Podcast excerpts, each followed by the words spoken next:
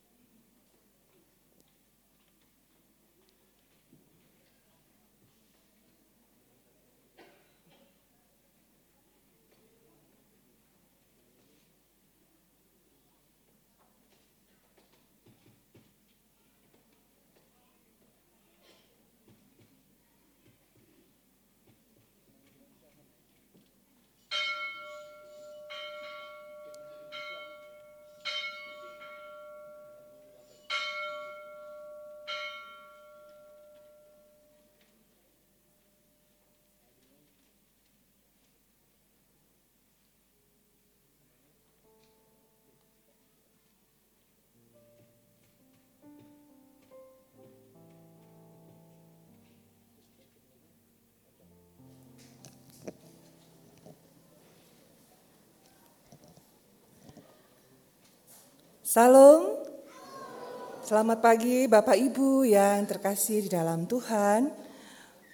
Majelis Jemaat GKI Gejayan menyampaikan selamat datang dan selamat beribadah kepada semua warga jemaat yang hadir pada saat ini dan juga jemaat Tuhan di mana pun berada yang mengikuti siaran live streaming. Mari kita mempersiapkan diri dan hati kita mengikuti ibadah pada hari ini. Bersama ini, kami informasikan beberapa warta lisan sebagai berikut. Yang pertama, GKI Gejayan membuka kelas katekisasi khusus di usia dewasa yang ditujukan kepada Bapak Ibu yang belum pernah dibaptis, belum pernah sidi, dan yang ingin menjadi anggota GKI Gejayan, namun berasal dari gereja lain yang tidak seazas. Kelas khusus usia dewasa agar memudahkan pengajaran dan diskusi.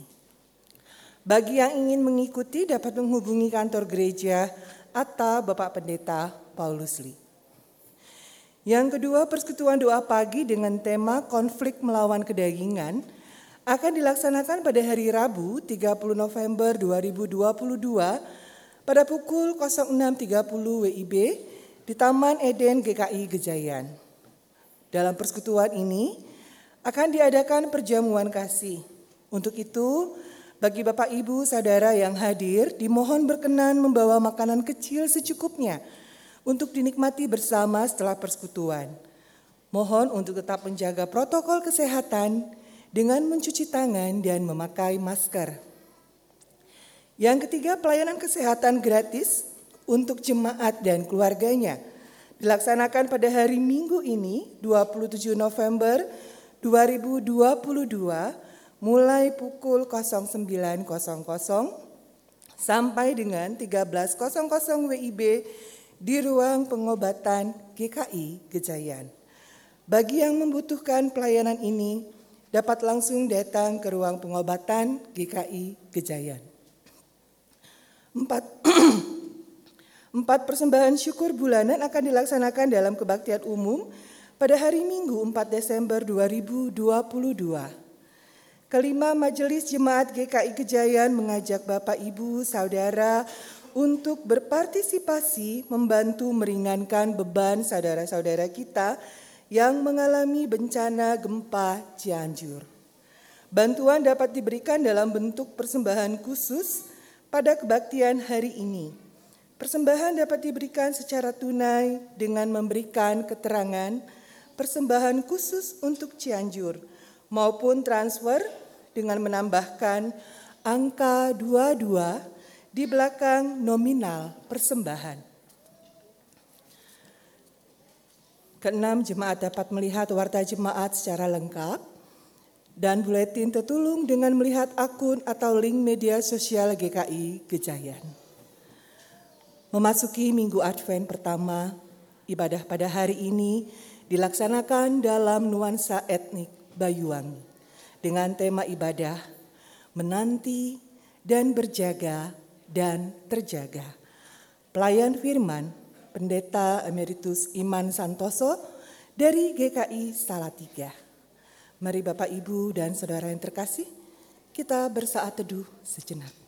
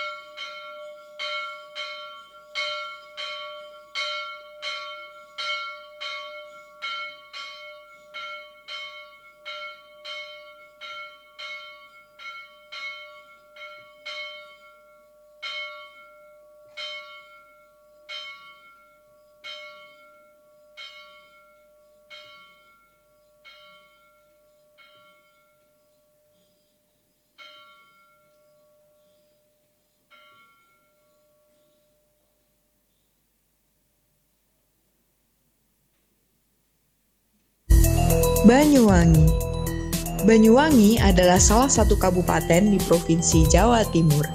Banyuwangi terletak di ujung paling timur Pulau Jawa dan merupakan kabupaten terluas di Pulau Jawa bahkan luasnya melebihi Provinsi Bali. Banyuwangi, tanah Jawa yang pertama kali disentuh oleh indah dan hangatnya sinar matahari terbit. Banyuwangi dijuluki sebagai The Sunrise of Java. Banyuwangi Bumi Belambangan. Sejarah berdirinya tidak lepas dari kerajaan Belambangan yang merupakan cikal bakal berdirinya Banyuwangi. Banyuwangi, kota Osing. Suku Osing adalah subsuku Jawa menggunakan bahasa Osing yang merupakan salah satu ragam bahasa Jawa kuno. Banyuwangi Kota Gandrung. Gandrung adalah tarian tradisional Banyuwangi yang dinamis, indah, dan bermakna penuh syukur dan terpesona dengan berkat panen padi yang membawa kesejahteraan. Banyuwangi disebut juga sebagai kota banteng, kota pisang, kota festival, dan julukan lainnya merupakan wujud dari kemajuan Banyuwangi sebagai kota budaya dan wisata. Banyuwangi menawarkan objek wisata dan pertunjukan budaya maupun kuliner dengan menitik beratkan pengembangan wisata berbasis kearifan dan pelestarian budaya lokal. Pantai-pantainya, gunung, ngarai, air terjun, padang savana, hutan perawan, perkebunan dan sawah ladang yang menawan dipadu dengan pelestarian tiga taman nasional yang melingkupi Kabupaten Banyuwangi menjadikan Banyuwangi sebagai destinasi wisata bak intan permata di ujung timur Pulau Jawa. Ikon Banyuwangi adalah gajah oleng, di mana gajah berarti hewan besar dan oleng berarti ingat. Filosofinya adalah, Hai manusia, ingatlah Allah Maha Besar.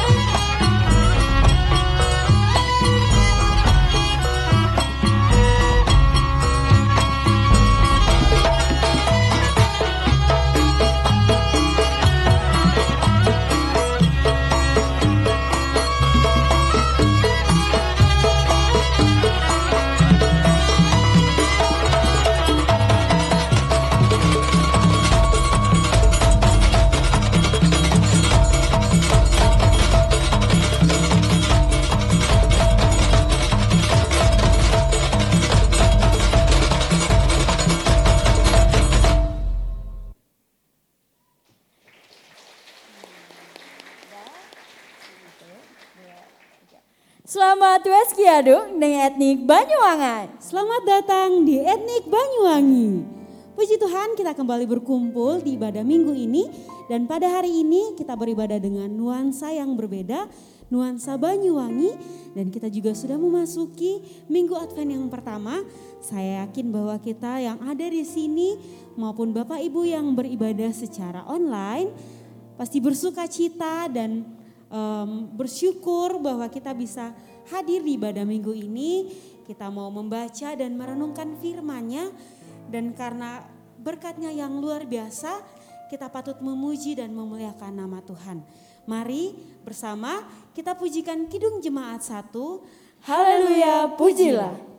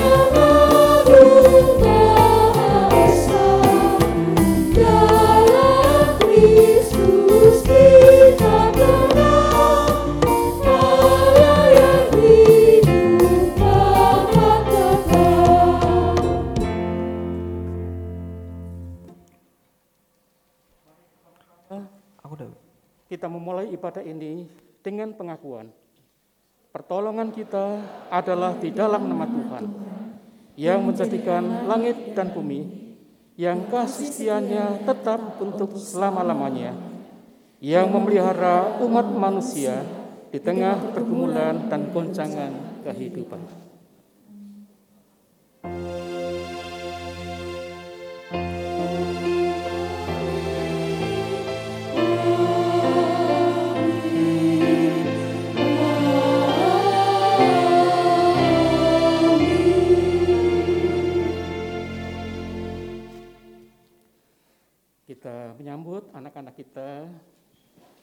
Yang akan menerima berkat sebelum mengikuti kebaktian sekolah minggu. Dipersilakan anak-anak sekolah minggu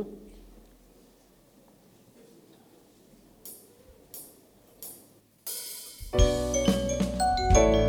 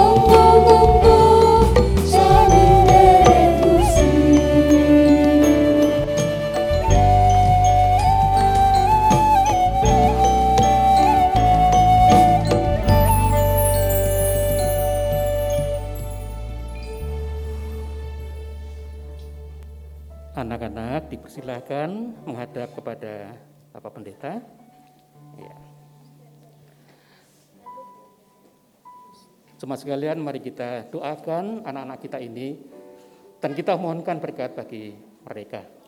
Mari kita berdoa. Ya Tuhan, kami sungguh bersyukur untuk anak-anak anugerah Tuhan. Mereka inilah yang kami harapkan hadir dalam rumah tangga dan keluarga kami. Dan Tuhan memberikan kepada kami tanggung jawab untuk mendidik mereka akan jalan Tuhan. Kami bersyukur boleh membawa anak-anak ini dalam ibadah di tempat ini.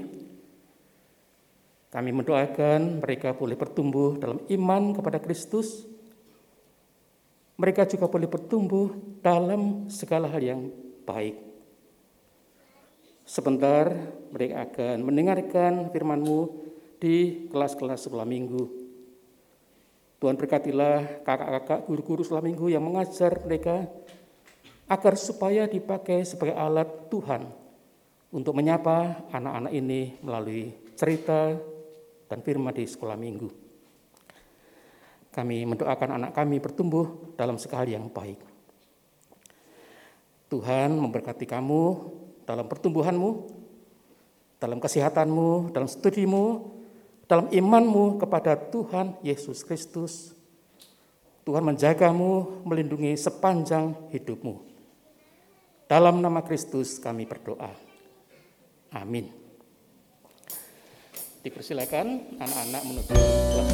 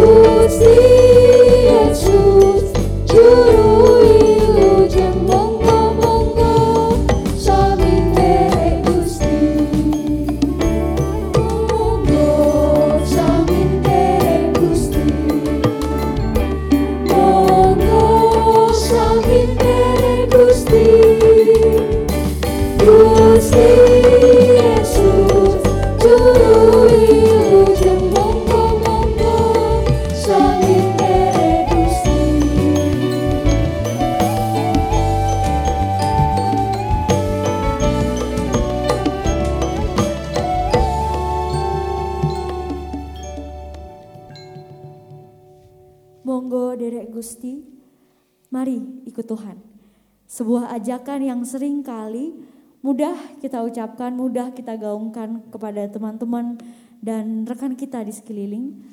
Tapi nyatanya masih banyak perbuatan kita yang mendukakan perasaan Tuhan.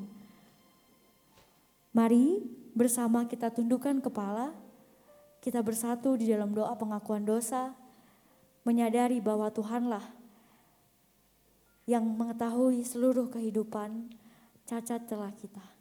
Mari kita berdoa.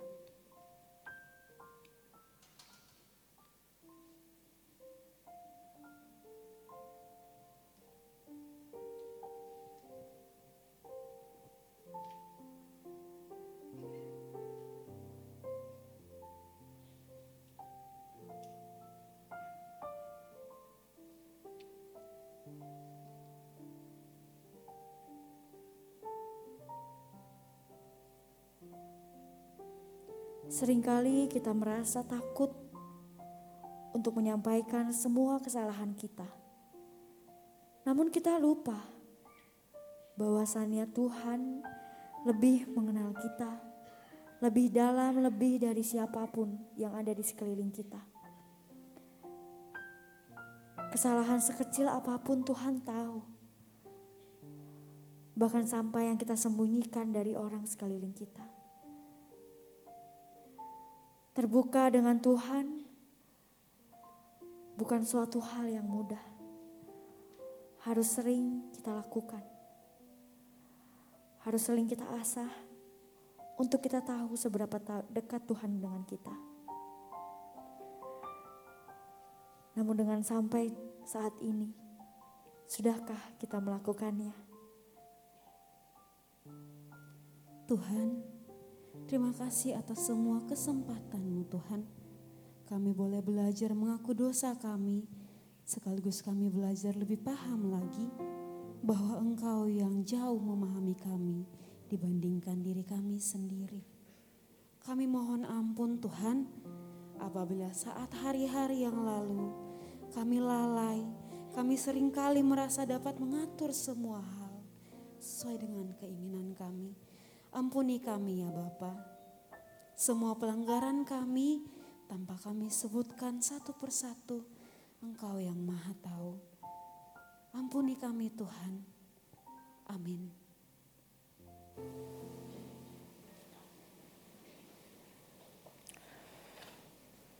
Jemaat diundang bangkit berdiri.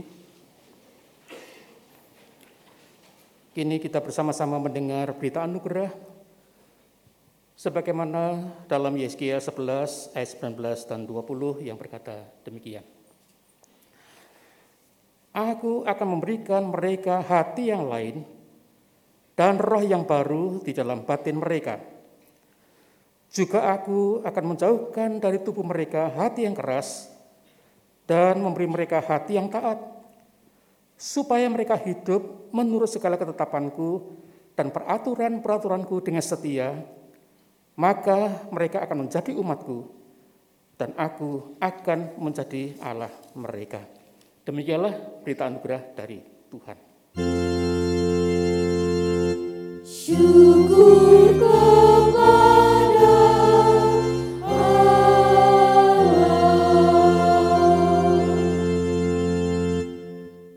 Saudara, mari bersama kita mengimani berita anugerah yang sudah kita baca bersama-sama. Kita sebagai manusia yang diutus bertumbuh menjadi umatnya sesuai dengan firman dan juga ketetapannya. Firman jadi manusia, mari kita pujikan bersama-sama.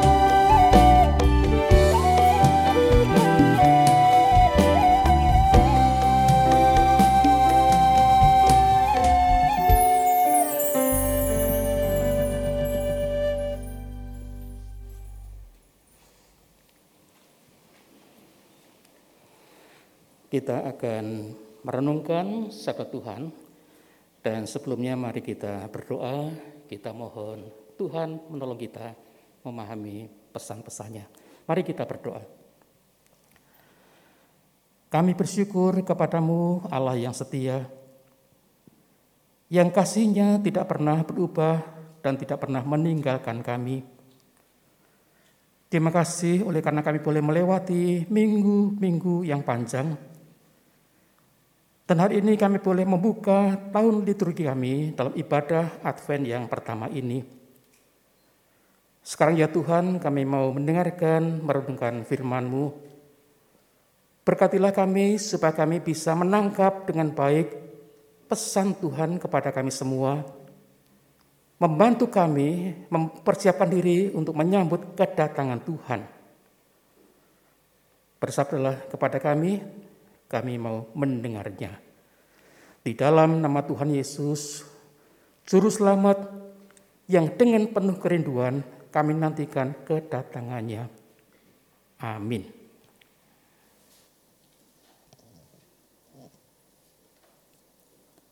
Kitab Yesaya pasal 2 ayat 1 sampai dengan 5. Kitab Yesaya pasal 2 ayat 1 sampai dengan 5. Firman yang dinyatakan kepada Yesaya bin Amos tentang Yehuda dan Yerusalem akan terjadi pada hari-hari yang terakhir. Gunung, tempat rumah Tuhan, akan berdiri tegak di hulu gunung-gunung dan menjulang tinggi di atas bukit-bukit segala bangsa akan berduyun-duyun ke sana. Dan banyak suku bangsa akan pergi serta berkata, Mari, kita naik ke gunung Tuhan, ke rumah Allah Yakub, supaya ia mengajar kita tentang jalan-jalannya, dan supaya kita berjalan menempuhnya. Sebab dari Sion akan keluar pengajaran dan firman Tuhan dari Yerusalem. Ia akan menjadi hakim antara bangsa-bangsa dan akan menjadi wasit bagi banyak suku bangsa. Maka mereka akan menempa pedang-pedangnya menjadi mata bajak dan tombak-tombaknya menjadi pisau pemangkas. Bangsa tidak akan lagi mengangkat pedang terhadap bangsa, dan mereka tidak akan lagi belajar perang.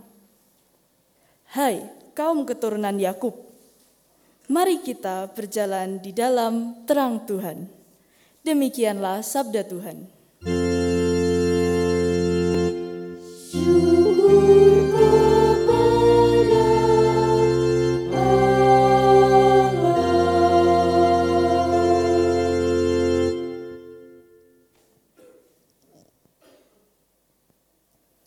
Injil Matius pasal 24 ayat 36 sampai dengan 44. Injil Matius pasal 24 ayat 36 sampai dengan 44. Akan saya bacakan dalam bahasa Tengger, Jawa Timur. Nana sesijia, wong sing weruh, kapan dina utawa jam kiamat. Masia malaikat ning swarga utawa reang dewe mek bapak wae sing weruh. Pas reang rajane menungsa kate teka, kedadean iku bakale persis jamane Nabi Nubien.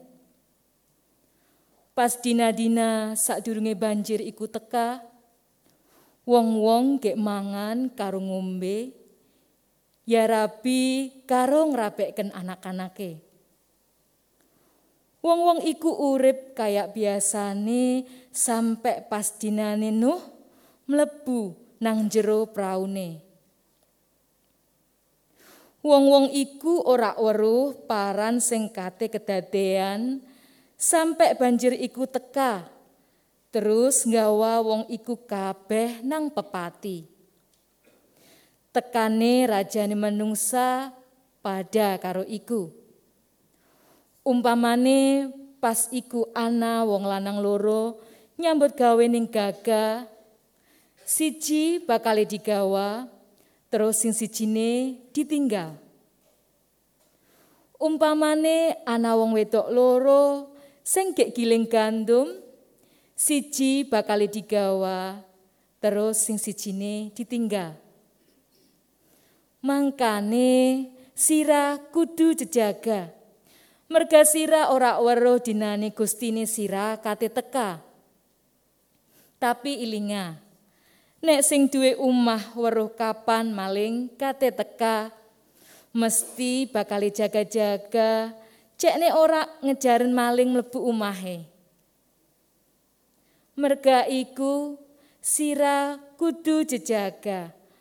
Merga rajane menungsa kate teka pas wayah sing ora sira weruh. Demikianlah Injil Yesus Kristus.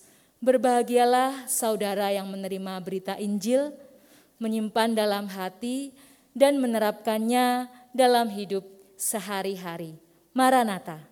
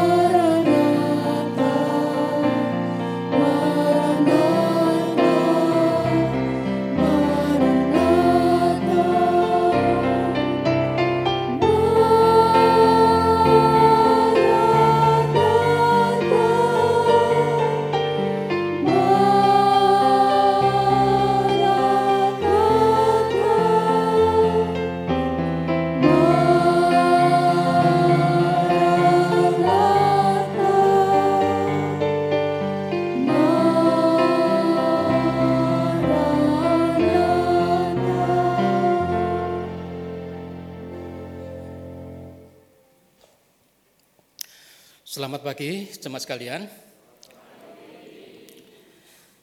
Saya akan menyampaikan khotbah dalam bahasa Indonesia.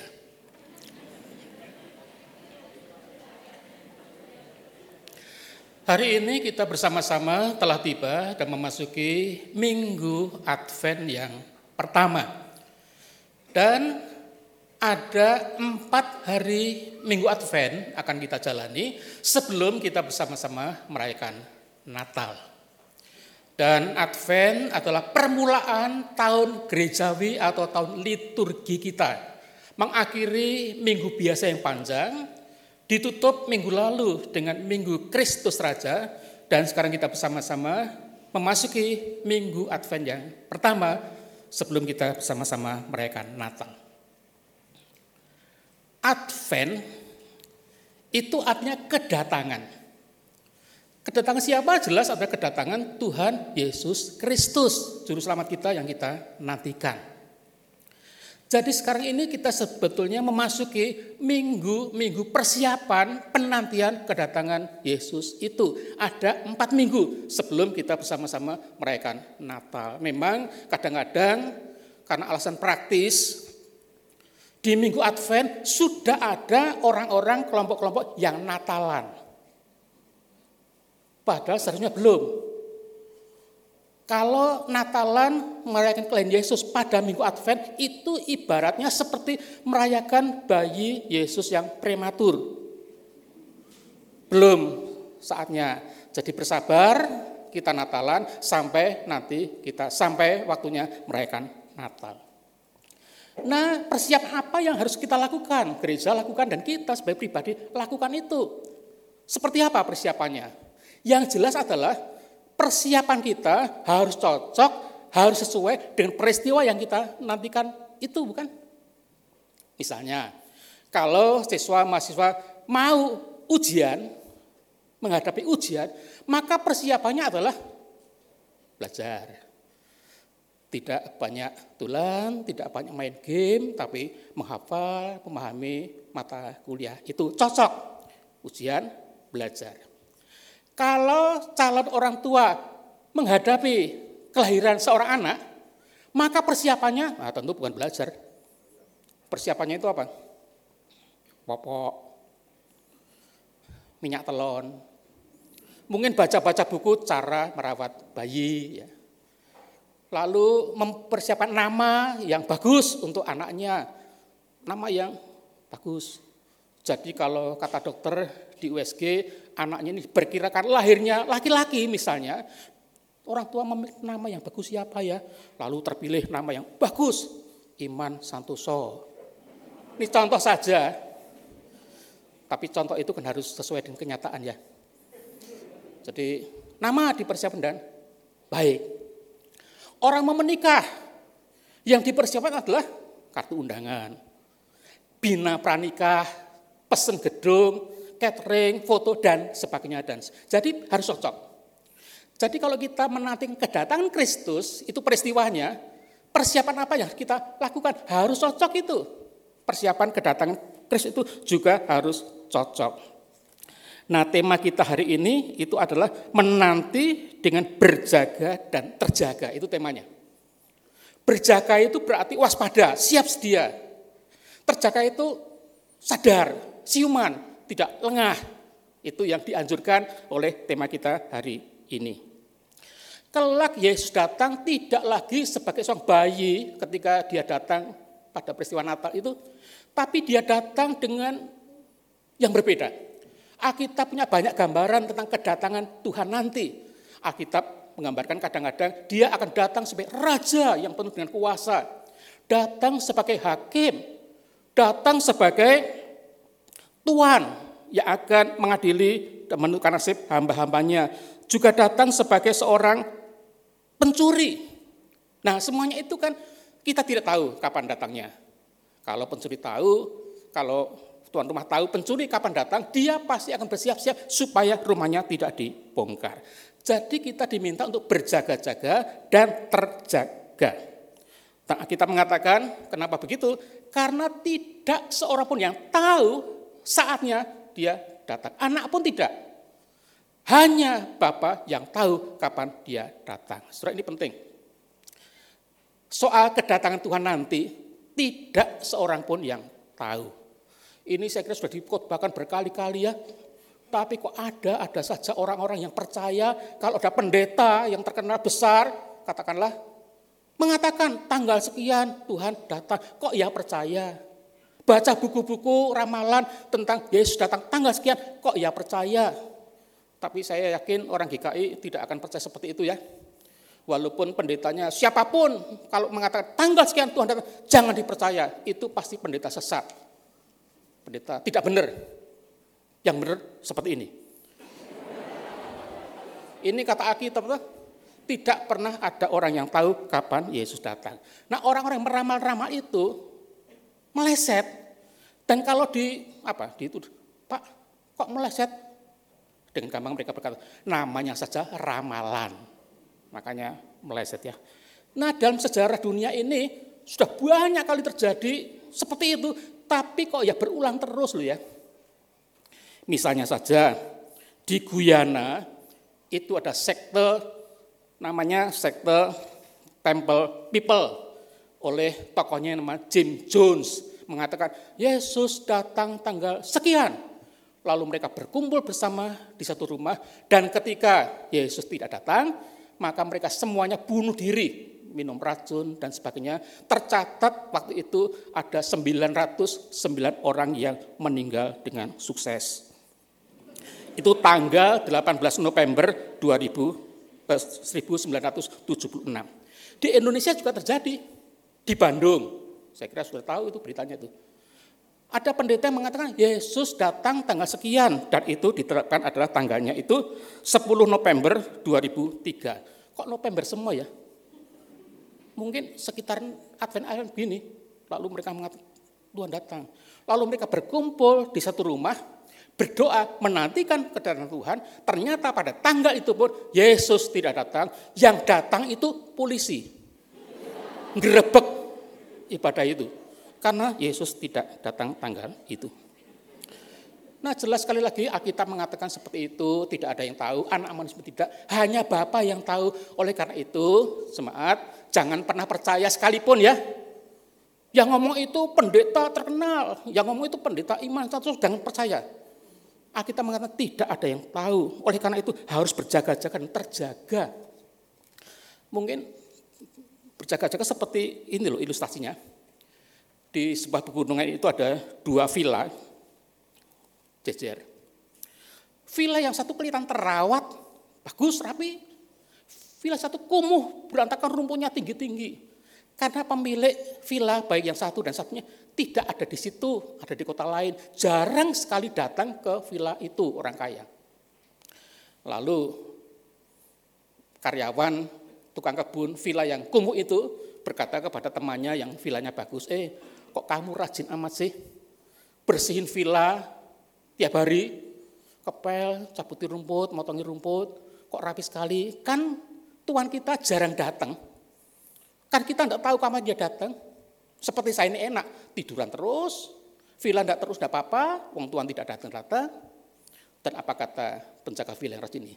Dia mengatakan, justru, justru karena kita tidak tahu tuan kita datang kapan, dan toh dia bisa datang kapan saja kan, dan boleh kan? Nah, kalau nanti Tuhan datang itu, apa yang akan terjadi pada hidup kita. Nah seperti itu loh. Jadi tidak tahu kapan, tapi yang penting itu kita siap sedia, waspada, berjaga-jaga, dan terjaga. Itu sikap yang benar. Adalah seperti itu. Terus hidup dengan tertib, hidup dengan baik. Dalam bacaan Injil tadi, yang bahasa Tengger tadi, artinya begini saudara, mungkin tadi tidak begitu tahu ya, maksudnya kecuali baca teksnya di bawah. Itu begini, kedatangan Tuhan itu seperti terjadi pada zaman Nuh itu loh. Orang makan, minum, kawin, dikawinkan, hidup sehari-hari. Tidak sadar sampai tiba-tiba air bah datang dan mereka semuanya binasa. Dalam hidup sehari-hari, tidak ada tanda-tanda yang luar biasa. Tiba-tiba datang. Dan kalau Tuhan datang, seperti ada dua orang di ladang, yang satu dibawa, yang satu ditinggalkan. Dua orang perempuan, yang satu sedang dipengirikan batu kilangan, yang satu dibawa, yang satu ditinggal. Nah kenapa begitu kita tidak tahu. Apa ini pilih kasih atau bagaimana, tidak dijelaskan. Yang ingin dijelaskan adalah kedatangan itu bisa kapan saja dalam peristiwa sehari-hari. Tidak pernah ketahuan kapan itu Tuhan datang. Nah, soal Tuhan datang itu memang dalam teks kita hanya dikatakan seperti pencuri. Tidak ada yang tahu. Tapi kalau kita mau tahu lebih jelas, itu di perikop setelah ini, setelah Matius 24 tadi, itu ada tiga perumpamaan paling tidak yang mengajar kita untuk berjaga-jaga. Yang pertama itu di sana ada perumpamaan tentang hamba yang jahat. Jadi ada tuan mau pergi, dia pasrah rumah dan pekerjaannya pada hamba-hambanya. Lalu ada hamba yang bekerja dengan rajin, ada juga hamba yang malas dan jahat malah memukuli teman-temannya. Dan ketika tuannya datang, wah hamba yang rajin ini dipercaya menjadi pengawas segala miliknya dan hamba yang jahat itu dihukum. Tuannya tidak pernah tahu, tidak pernah bilang kapan dia datang. Tapi kalau dia datang, nasib orang ditentukan oleh siap berjaga-jaga atau tidak. Nah perumpamaan selanjutnya itu, saya kira kita kenal semua, ini perumpamaan lima gadis yang bijaksana dan lima gadis yang bodoh. Ada loh gadis yang bodoh itu ada loh. Seperti di sini. Itu ceritanya itu mereka menantikan kapan mempelai laki-laki datang. Ditunggu-tunggu gak datang, datang. Ngantuk tertidur. Tengah malam mempelai laki-laki datang. Semua bangun, menyiapkan pelitanya, lalu lima gadis bodoh ini berkata kepada temannya, berikan sedikit minyakmu kepadaku, pelitaku hampir padam. Dan yang bisa mengatakan, Gak bisa, gak cukup untuk kamu dan untuk kami. Kamu pergi saja ke kota cari minyak itu. Sementara gadisnya pergi, pesta dimulai, ditutup, dan lima gadis bodoh itu mengalami nasib yang mengerikan. Di luar sana, tidak boleh ikut dalam suka cita. Nah yang ketiga itu kisah atau permohonan tentang talenta. Ini cerita raja yang pergi lalu mempercayai hartanya kepada hambanya dan kita mengatakan masing-masing sesuai kesanggupannya. Jadi tidak dituntut lebih. Ada yang menerima lima, ada yang menerima dua talenta, dan ada yang menerima satu talenta. Dan apa yang mereka lakukan? Yang lima bekerja keras, tuannya datang mengatakan, saya untung lima talenta. Yang datang dapat dua juga sama. Tuan, dua talenta, Tuhan percaya kepadaku, ini aku mendapat laba dua talenta. Baik sekali, hambaku yang baik dan setia, engkau telah setia dalam perkara kecil, aku memberi padamu tanggung jawab dalam perkara yang lebih besar. Perhatikan, pujiannya persis sama, baik kepada yang laba lima talenta dan dua talenta. Bukan soal besar kecilnya, tapi apakah mereka itu bertanggung jawab. Dan ini penting, kamu setia dengan hal yang kecil, aku berikan kepadamu tanggung jawab dalam perkara yang lebih besar. Saya itu ingat pengalaman anak saya yang ketika masih kecil dulu. Dia itu kepengen, Pak, buat beli ikan emas yang bagus itu. Nah, saya sudah punya akuarium kecil, ikannya ya murah-murah gitu. Dan saya bilang, moh, kamu tidak memerawat. Lah itu jelek kok, ikannya itu. Naik bagus ya, tak rawat nanti. Moh, itu akuariumnya saja sampai hijau, tidak ketok tuh ikannya cilik enggak ketok tuh, udah budak banget tuh.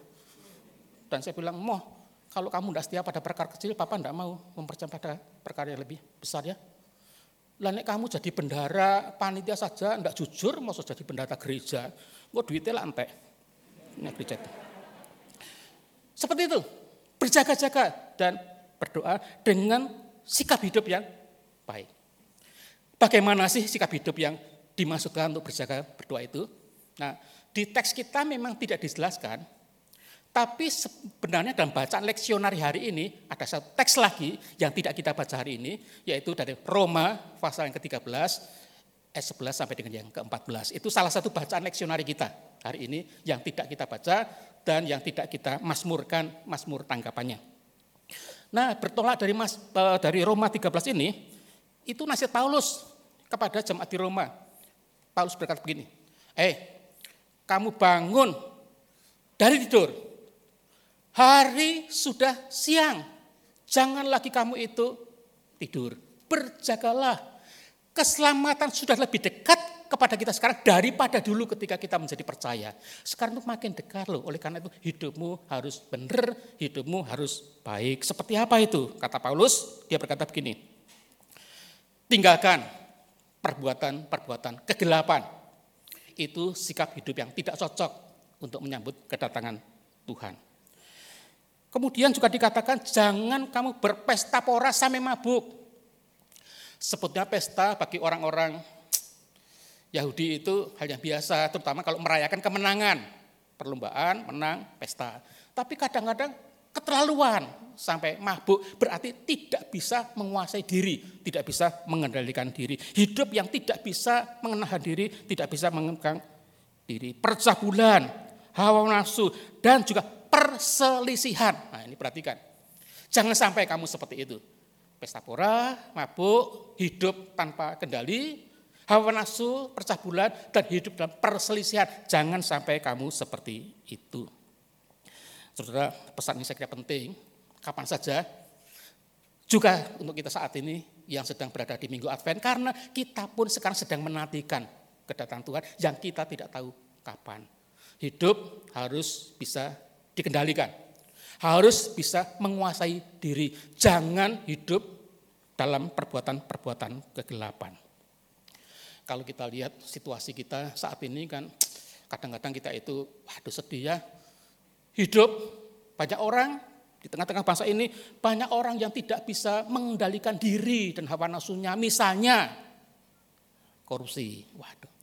Itu orang-orang yang korup itu orang yang tidak bisa mengendalikan diri ya.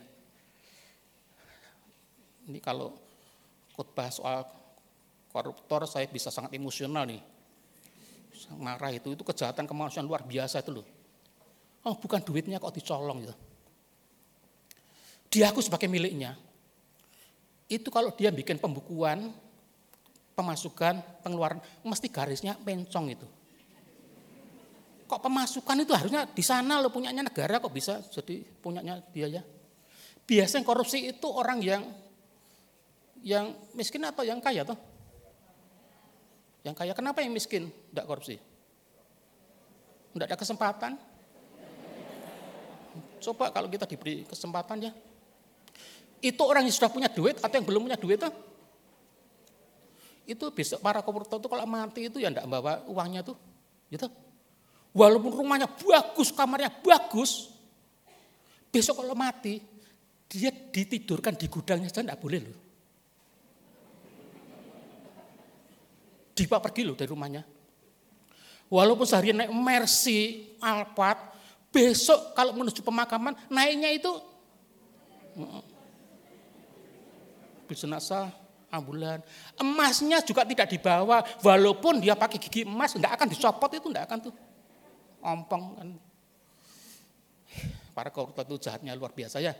Dia menumpuk harta yang bukan miliknya, dimakan tidak jadi daging itu. Istrinya, anaknya kok ya diem saja ya makan hasil kejahatan seperti itu ya. Para koruptor yang merusak bangsa dan negara. Mengaku-ngaku yang bukan miliknya sebagai miliknya. Ini kan kalau dalam pencobaan di padang gurun oleh oleh iblis itu ya. Sembahlah padaku, semuanya akan kuberikan kepadamu. Memangnya semuanya itu milik iblis. Semuanya itu milik Tuhan kan? Kok dia ngaku-ngaku? Jadi kalau orang yang bukan miliknya ngaku-ngaku miliknya itu iblis tuh. Sama seperti itu, ya kan? Koruptor. Atau lagi apa yang perselisihan. Nah, ini kan soal jabatan, soal kuasa, soal pengaruh, soal harta milik, dan sebagainya itu ya.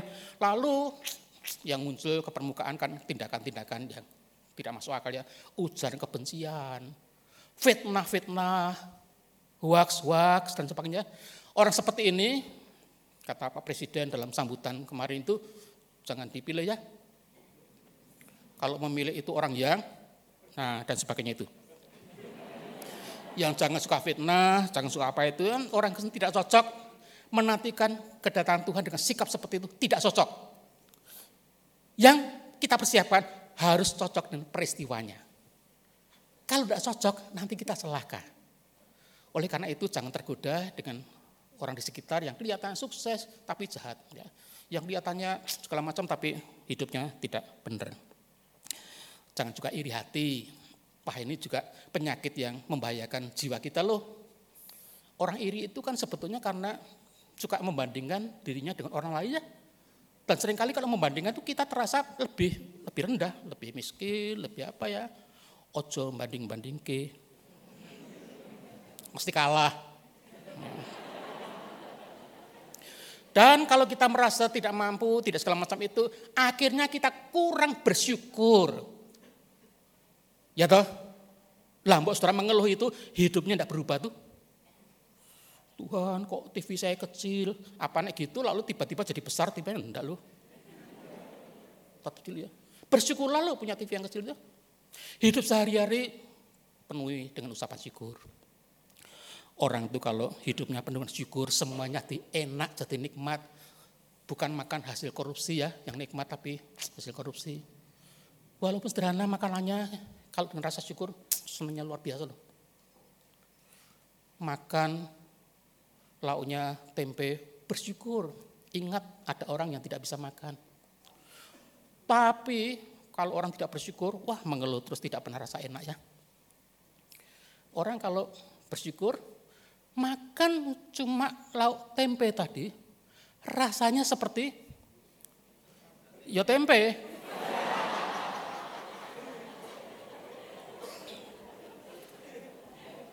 Masa makan tempe rasanya daging.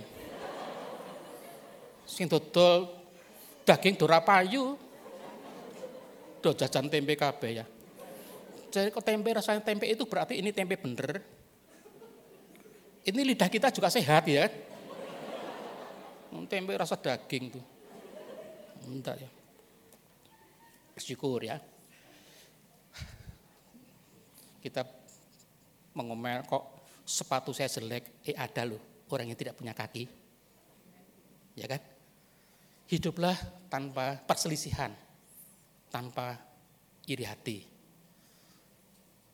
Tapi apakah orang Kristen bisa sih iri hati? Bisa enggak? Kalau anggota GKI bisa enggak? GKI mana?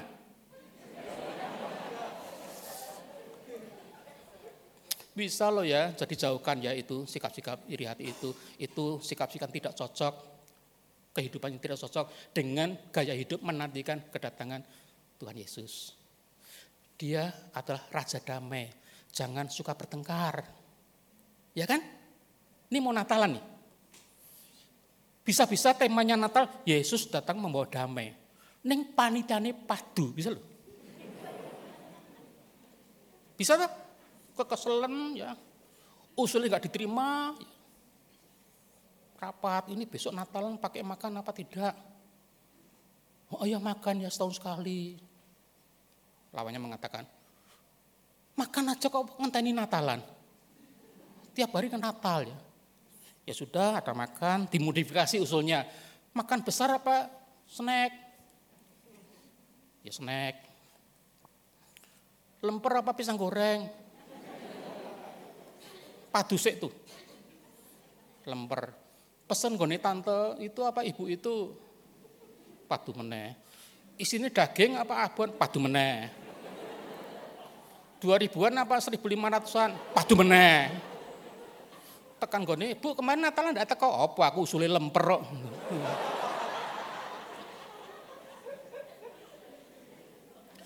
Nah, Saudara, sikap-sikap yang seperti itu adalah sikap hidup yang tidak cocok dengan kedatangan Yesus yang kita nantikan nanti ya. Oleh karena itu masa persiapan yang kita pakai untuk menata hidup kita.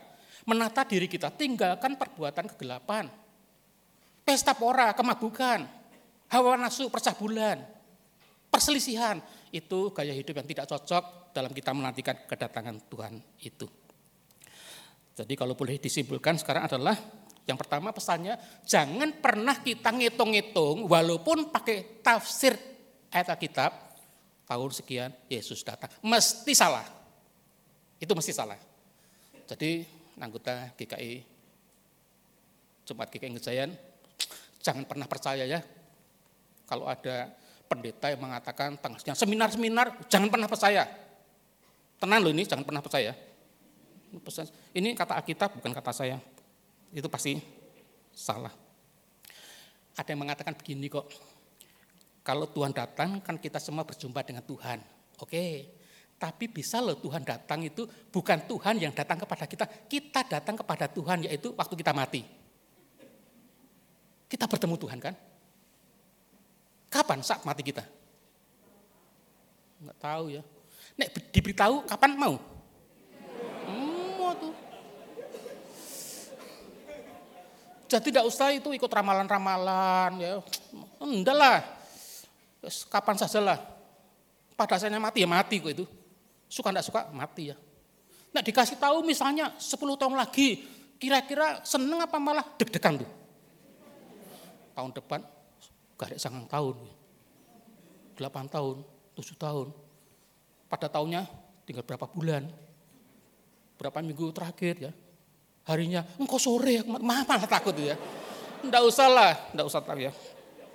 Pokoknya kita tuh berjaga-jaga saja, siap sedia saja, kapan saja, oke, okay. saya siap. Hidup saya dipersiapkan pada masa penantian untuk menyambut kedatangan Tuhan nanti. Yang pertama. Dan yang kedua, mari kita terus mawas diri, hidup dekat dengan Tuhan, hirup pikuk duniawi, hidup sehari-hari, jangan sampai melupakan kewaspadaan kita. Sebab itu bisa terjadi dalam peristiwa sehari-hari. Seperti orang bekerja di ladang, satu di bawah, satu ditinggal. Perempuan di batu kilangan, satu di bawah dan satu ditinggal. Amin.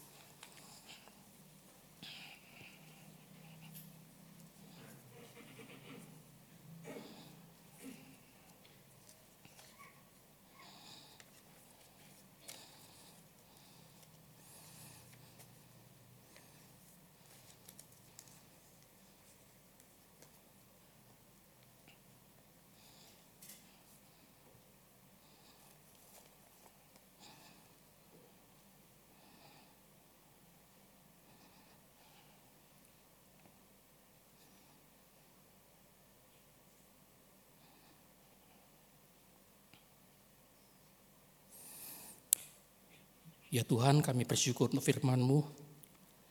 Biarlah itu boleh kami ingat dalam kehidupan kami dan memandu hidup kami selagi kami menantikan kedatangan Tuhan. Kami boleh menata hati kami, hidup kami sesuai dan cocok dengan kehendak-Mu. Amin. Kita akan menaikkan doa syafaat kepada jemaat diberikan kesempatan sejenak untuk saling mendoakan kiri kanannya dan nanti akan saya tutup dengan berdoa. Mari kita berdoa.